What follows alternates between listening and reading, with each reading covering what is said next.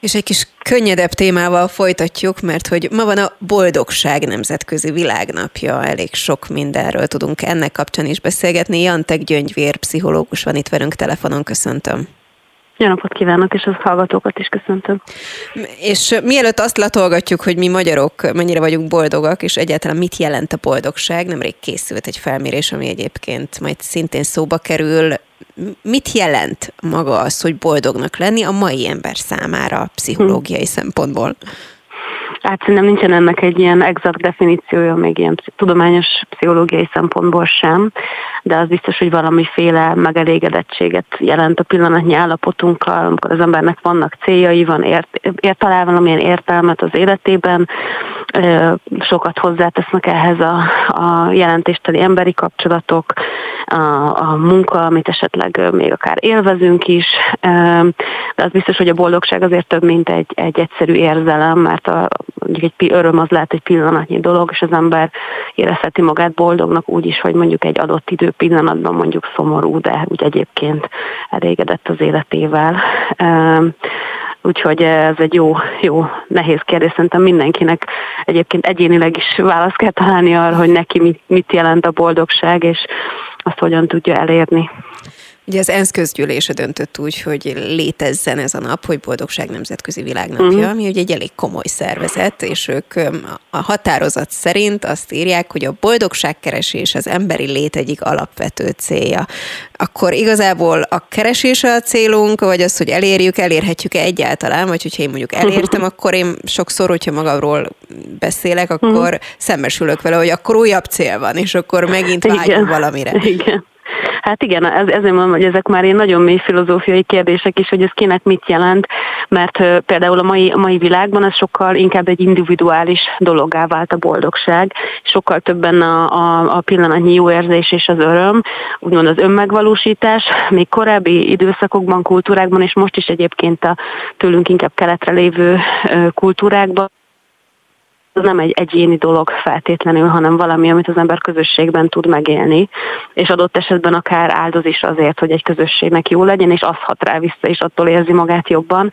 De valóban ez, amit mondott, hogy az emberi célokat tűz ki, és akkor majd akkor boldogabb leszek, ha lesz házastársam vagy barátom, lesznek gyerekeim, majd akkor leszek boldog, ha lesz házam, autóm, azért ez nagyon félrevezető tud lenni, mert hogyha az ember ilyen külső célokhoz, tényezőköz köti úgy összességében a boldogságát, az az nem mindig az, amire vágyunk. Tehát, hogy, hogyha ez így lenne, akkor ugye a leggazdagabb emberek, a legszebb emberek a világon lennének a legboldogabbak, és hát nem azok. Tehát nagyon sokszor kábítószerfüggők, és csak úgy tudják elviselni az életüket, hogy valamilyen pótszereket használnak. Úgyhogy azt gondolom, hogy magában az útban is meg kell találnunk azt a fajta boldogságot, ami az, az nekünk jelent, mert hogyha ez mindig célokhoz kötjük, és abban az 5-10-20 percben vagy pár hétben tudjuk élvezni annak az örömét, akkor nagyon hamar meg fogjuk tapasztalni azt, hogy, hogy hát az ember néha ilyen köd, köd, ködöket kerget, vagy hogy mondják ezt, tehát hogy fut valami után, ami, ami olyan illékony. No, az Ipsosnak készült ugye egy felmérése, 32 országban végeztek uh-huh. kutatást idén januárban egyébként, és arra jutottak, hogy összességében világszerte az emberek 73%-a boldognak érzi magát, amire én azt Na, mondanám, hogy ez egy jó szám. Igen, igen, igen. No, a kutatás igen. szerint azok, akik házasok, akik jobb anyagi körülmények közt élnek, vagy mondjuk nagyobb számban iskolázottak, ők azok, akik egyébként boldogabbak, mint a társaik. Uh-huh vagy mások, és Latin Amerikában egyébként emelkedik a számuk, a legtöbb nyugat-európai országban viszont zuhan a boldogság uh-huh. átlagos Igen. szintje. Mi az oka ennek? Hát valószínűleg egy nagy okát nem tudom megmondani, de én is gondolkoztam ezen, ahogy olvastam a, a kutatási eredményeket. Szerintem az egyik oka az ebben keresendő, amit az előbb már így elkezdtem mondani, így felvázolni, hogy hogyha ha nagyon az anyagi jólétünkhöz, a karrierünkhöz kötjük a boldogulásunkat, vagy egyáltalán ezekhez a célokhoz, hogy autó, ház, nyaralás, nem tudom én, megvalósítás, annak van egy határa. Tehát van egy, egy pont, amíg ezek nagyon fontosak az ember életében, mert azért az nyilván okoz egy örömet, hogy nem kell fillérekre kiszámolni a napi kajapénzt, tehát ez nyilvánvaló. De úgy tűnik, hogy, hogy, hogy van egy pont, ahol viszont az emberek elkezdenek akár elmagányosodni, akár ö, akár rájönni arra, hogy, hogy mondjuk eléri azt a célt, és mégsem igazán boldog. És ez tipikusan egy nagyon nagy változás így a tőlünk nyugatabbra lévő nyugat-európai jóléti társadalmakra, hogy ugye ezek hagyományosan egy előregedő társadalmak, nagyon sok embernek vagy, is, vagy nincs is családja, vagy nagyon úgy későn vállalnak emberek gyereket, és ettől még persze lehet valaki boldog, de mondjuk nyilván bizonyos dolgokat az életben kevésbé tudnak átélni, illetve ott van az, hogy hogy a digitális kultúra kapcsán az ember folyamatosan azt érzi, hogy kapcsolatban van másokkal, szinte non-stop. Ugyanakkor ezeknek a kapcsolatoknak a mélysége azért az megkérdőjelezhető. És ezzel szemben egy olyan kultúra, ahol még léteznek kisebb léptékű emberi közösségek, akár egy baráti közösség, akár egy család, akár egy, egy belátható mondjuk egy falu vagy egy kisebb városban van ennek értéke, hogy az emberek mondjuk összejárnak, tudnak egymásról, az nagyon sokat hozzá tud tenni az embernek a, a boldogság érzetéhez. Mással nehéz megmagyarázni azt, hogy miért pont ott a legmagasabb mondjuk a boldogtalanság, vagy miért zuhan ott, ahol az emberek sokkal jobban élnek, mint a világ többi részén. No, és akkor egy picit beszéljünk a magyarokról, hmm. hiszen ennek a felmérésnek, hogyha ránézek a térképére, ami egyébként több hírportálon elérhető, én mondjuk Telexen nézem ezt, akkor a magyarok boldogság szintje 50% ami hát most nézem a térképet, konkrétan talán a legkevesebb egyébként a mhm. bárki közül, ami azért elég riasztó. No, de pláne, hogy a szomszédokban mondjuk a lengyeleknél is 58, tehát hogy mondjuk uh-huh. 60 százalék körül vannak a törökök is. De mi az oka annak, hogy sírva mulat a magyar? Biztos, hogy van ennek sok ilyen kulturális gyökere. Ezt tudjuk, hogy Magyarországon az öngyilkosságoknak az aránya is nagyon magas, bár, bár most már nem olyan borzasztó a helyzet, mint korábban. Tehát a kommunizmus idejében is, egyébként előtte is, és még utána is Magyarország benne volt az első háromban világviszonylatban. És ugye ezt azt nyilván tudjuk, hogy senki sem jó kedvében vett véget az életének, és Magyarországon a depresszió aránya is viszonylag magas, tehát vannak olyan felmérések, ahol ez 10% körüli, ami azt jelenti, hogy mondjuk 100-ból 10 ember depressziós. Hogy aztán ennek mik a, a, az okai, hogy van ebben valami, hogy mondjam, egy ilyen genetikai komponens is, meg egy kulturális komponens is, azt nem tudom, de az tény, hogy, hogy, hogy azért nem volt és nyilván a környező országoknak se volt könnyű történelme, hogy nekünk sem, de az, hogy mi hajlamosak vagyunk így rágódni a dolgainkon, és ezer éves sérelmeket felhánytorgatni, akár is kevésbé így a jövőbe nézni, az valahogy tényleg, ha lehet ilyet mondani, hogy van néplélek, akkor azért úgy sokakra azt gondolom, hogy, hogy jellemző. Sőt, ugye, ugye kínos is szakemberhez fordulni a problémáinkkal, akár még szűkebb baráti körben is az van, hogy, hogy az emberek nem feltétlenül osztják meg a, a nehézségeiket, mert hát az ciki, és ilyen módon ugye nehezebb támaszt is kapni, segítséget is kapni, úgyhogy hát igen, ez egy jó, reális leírása szerintem a valóságnak, hogy Magyarországos sereghajtó ugye a boldogság tekintetében. Hogyha a social médiát hozzuk be, akkor ugye sokszor éri az a kritika ezeket a közösségeket, hogy hát igen, mert ide mindenki öm, nyilván a lehető legjobb képet posztolja magáról, és uh-huh. álca lehet igazából ez az egész, vagy hogy ezek az emberek nyilván nem annyira boldogok, ugyanakkor én most akkor megforgatnám ezt, és akkor hoznám egy másik oldalát ennek, hogy amikor mondjuk én posztolok magamról egy fotót, öm, és azon magamnak tetszően nézek ki, még akkor is, hogyha egyébként hát szarnapom van, akkor az jó kedvre tud deríteni, hogy na, uh-huh. tessék, akkor legalább ezen a fotón jól nézek ki, hát legalább akkor tetszem, na ugye, és már volt egy pozitívuma a napomnak. Uh-huh. Igen, hát ezeknek mindenképpen van egy olyan hatása, hogy az idegrendszerünkben is a jutalomközpontot rendesen megtorpedózzák, és akkor elkezd dopamin termelődni. Ezzel az az egyetlen probléma van, hogyha valakinek úgy egyébként az élete többi területén nincsenek meg ezek a sikerélményei, akkor elég könnyen ki tud alakulni egy olyan helyzet, és most ezt nem feltételezem így a műsorvezetőről, de mondjuk ilyen kamasz gyerekeket, hogyha vagy kamaszokat, ha nézünk, hogy egy ponton túl el tud valaki odáig jutni, hogy ebben fogja az összes örömét megélni, mert ugye sokkal kisebb kockázattal jár az embernek mondjuk kisminkelni magát, és kirakni egy fotót, és úgy szerezni pozitív érzéseket, mint mondjuk elmenni egy randira, és ott esetleg csalódni. És akkor itt egy ponton ez át tud odáig fordulni, hogy, hogy az ember viszont egyre kevesebbet tud a valóságban tölteni, úgymond. Tehát, hogy ez nem csak egy ilyen kis mankó lesz. Hát nyilván én is örülök, ha lájkolják egy posztomat, hát most nem fog hazudni, ez mindenkinek jól esik, de, de hogy aztán érthető így, hogy ez egy nagyon könnyen jövő öröm, és emiatt van erre egy csábítás, hogy az ember, ami, a ember, amiért többet kéne dolgoznia, mondjuk emberi kapcsolatokval, a való életben, az, az mondjuk lehet, hogy háttérbe szorul, és ezt azért látjuk is a fiatalabb generációnál. Igen, bevallom nekem ez az örömforrás megvan, és dolgozom vele eleget, mert van egy két és fél évesem, akit folyamatosan Na, igyekszem hát, én boldogát tenni, ugye úgyhogy no 24 egyébként pöröghetek vele.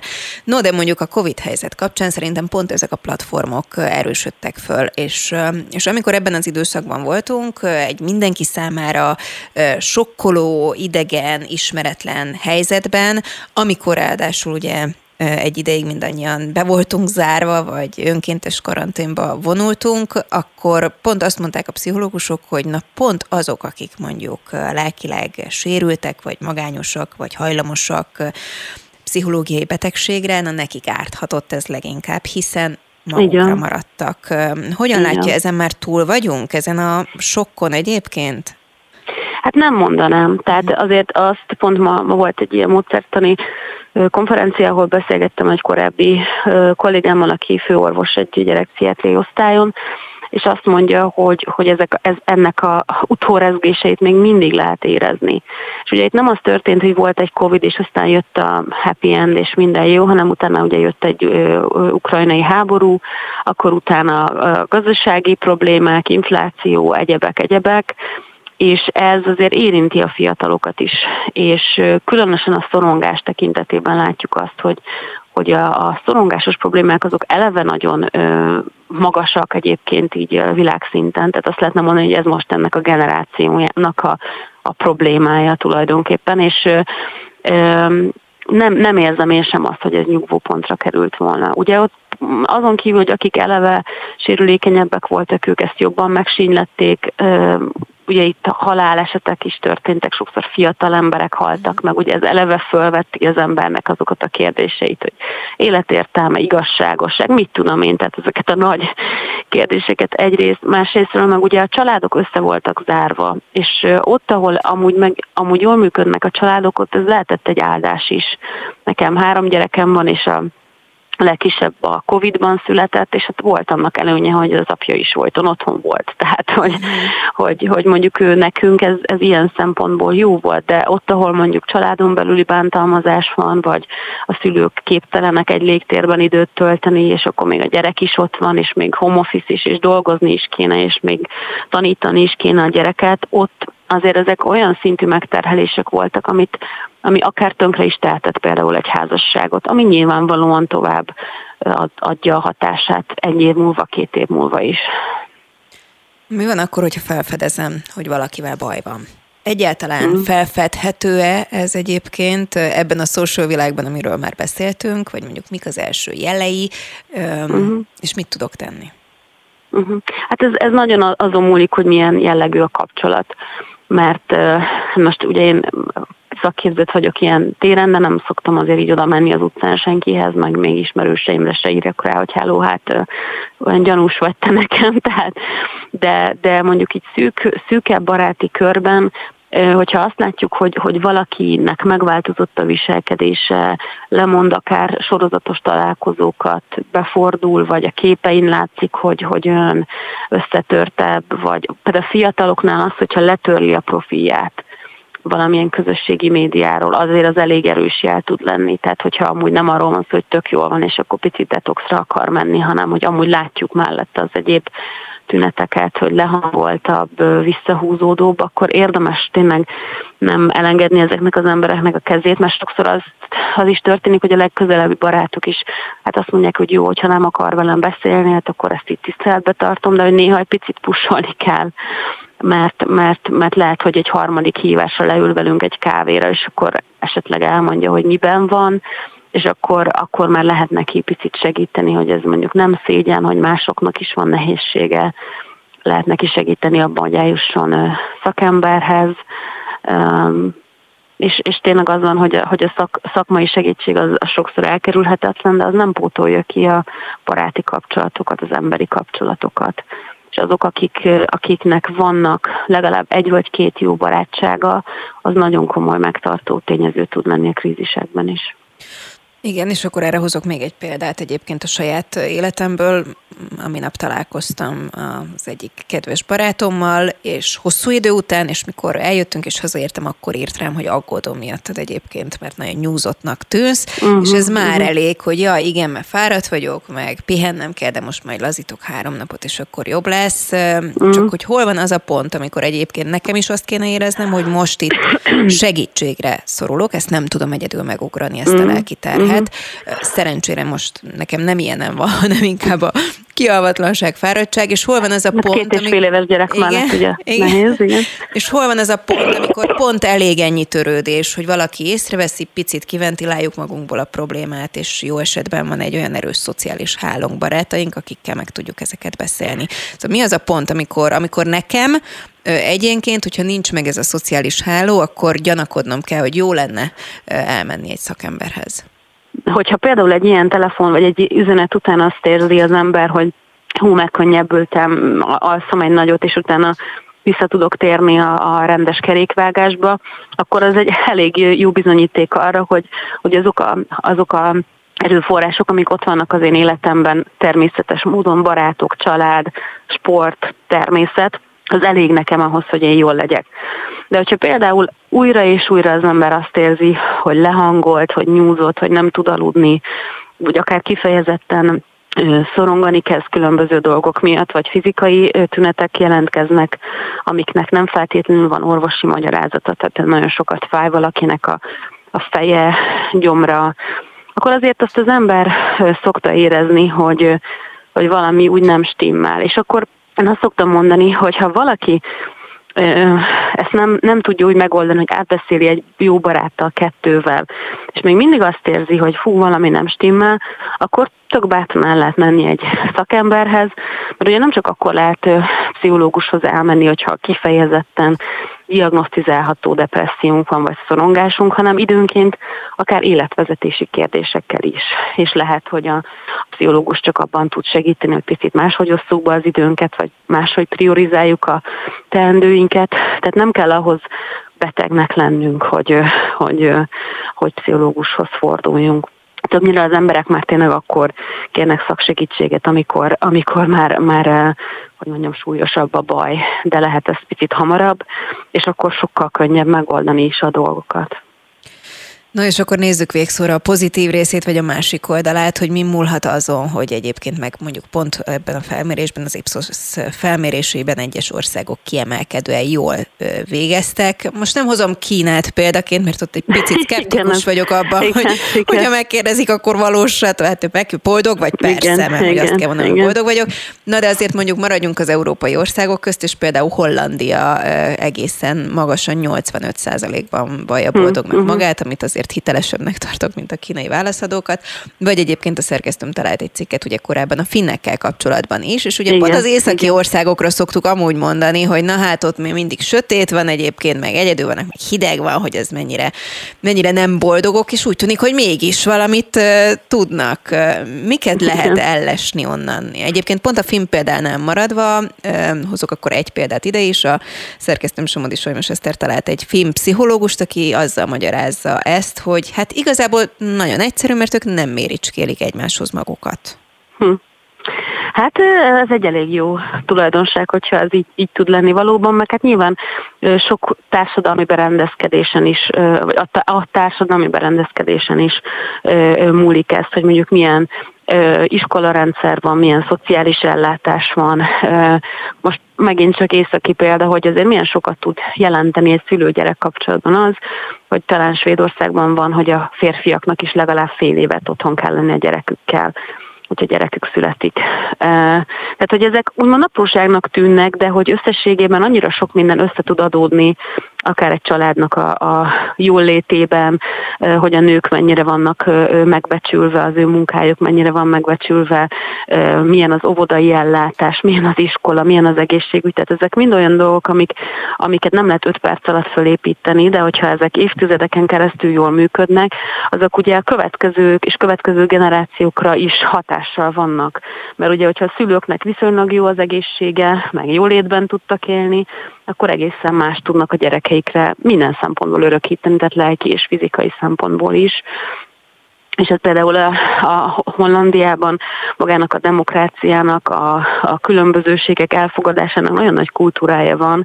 Tehát például a középkorban, meg a, az utána következő időszakban történelmileg is egy olyan hely volt, ahol például különböző vallású emberek jól megfértek egymás mellett, miközben Spanyolországban mágián égették el a nem katolikusokat. Tehát, hogy azért ezeknek akár évszázadokra le, is, le, lemenőleg is hatása van, mert egyfajta kultúrát tudnak teremteni, aminek pozitív gyümölcsei is vannak, de hát nyilván ennek még ezer oka lehet, ennyire nem vagyok művelt és képzett, hogy mindenre tudjam a, a választ, de hogy ezek azt hiszem, hogy hozzátartoznak. Összességében tudunk valamilyen konklúziót levonni egyébként, hogyha boldogabbak szeretnénk lenni, vagy boldog akarjuk tenni mondjuk a pici mhm. gyerekünket, akkor mi az a praktikum, amit szem előtt kellene tartanunk uh-huh. szakember szemével? Igen.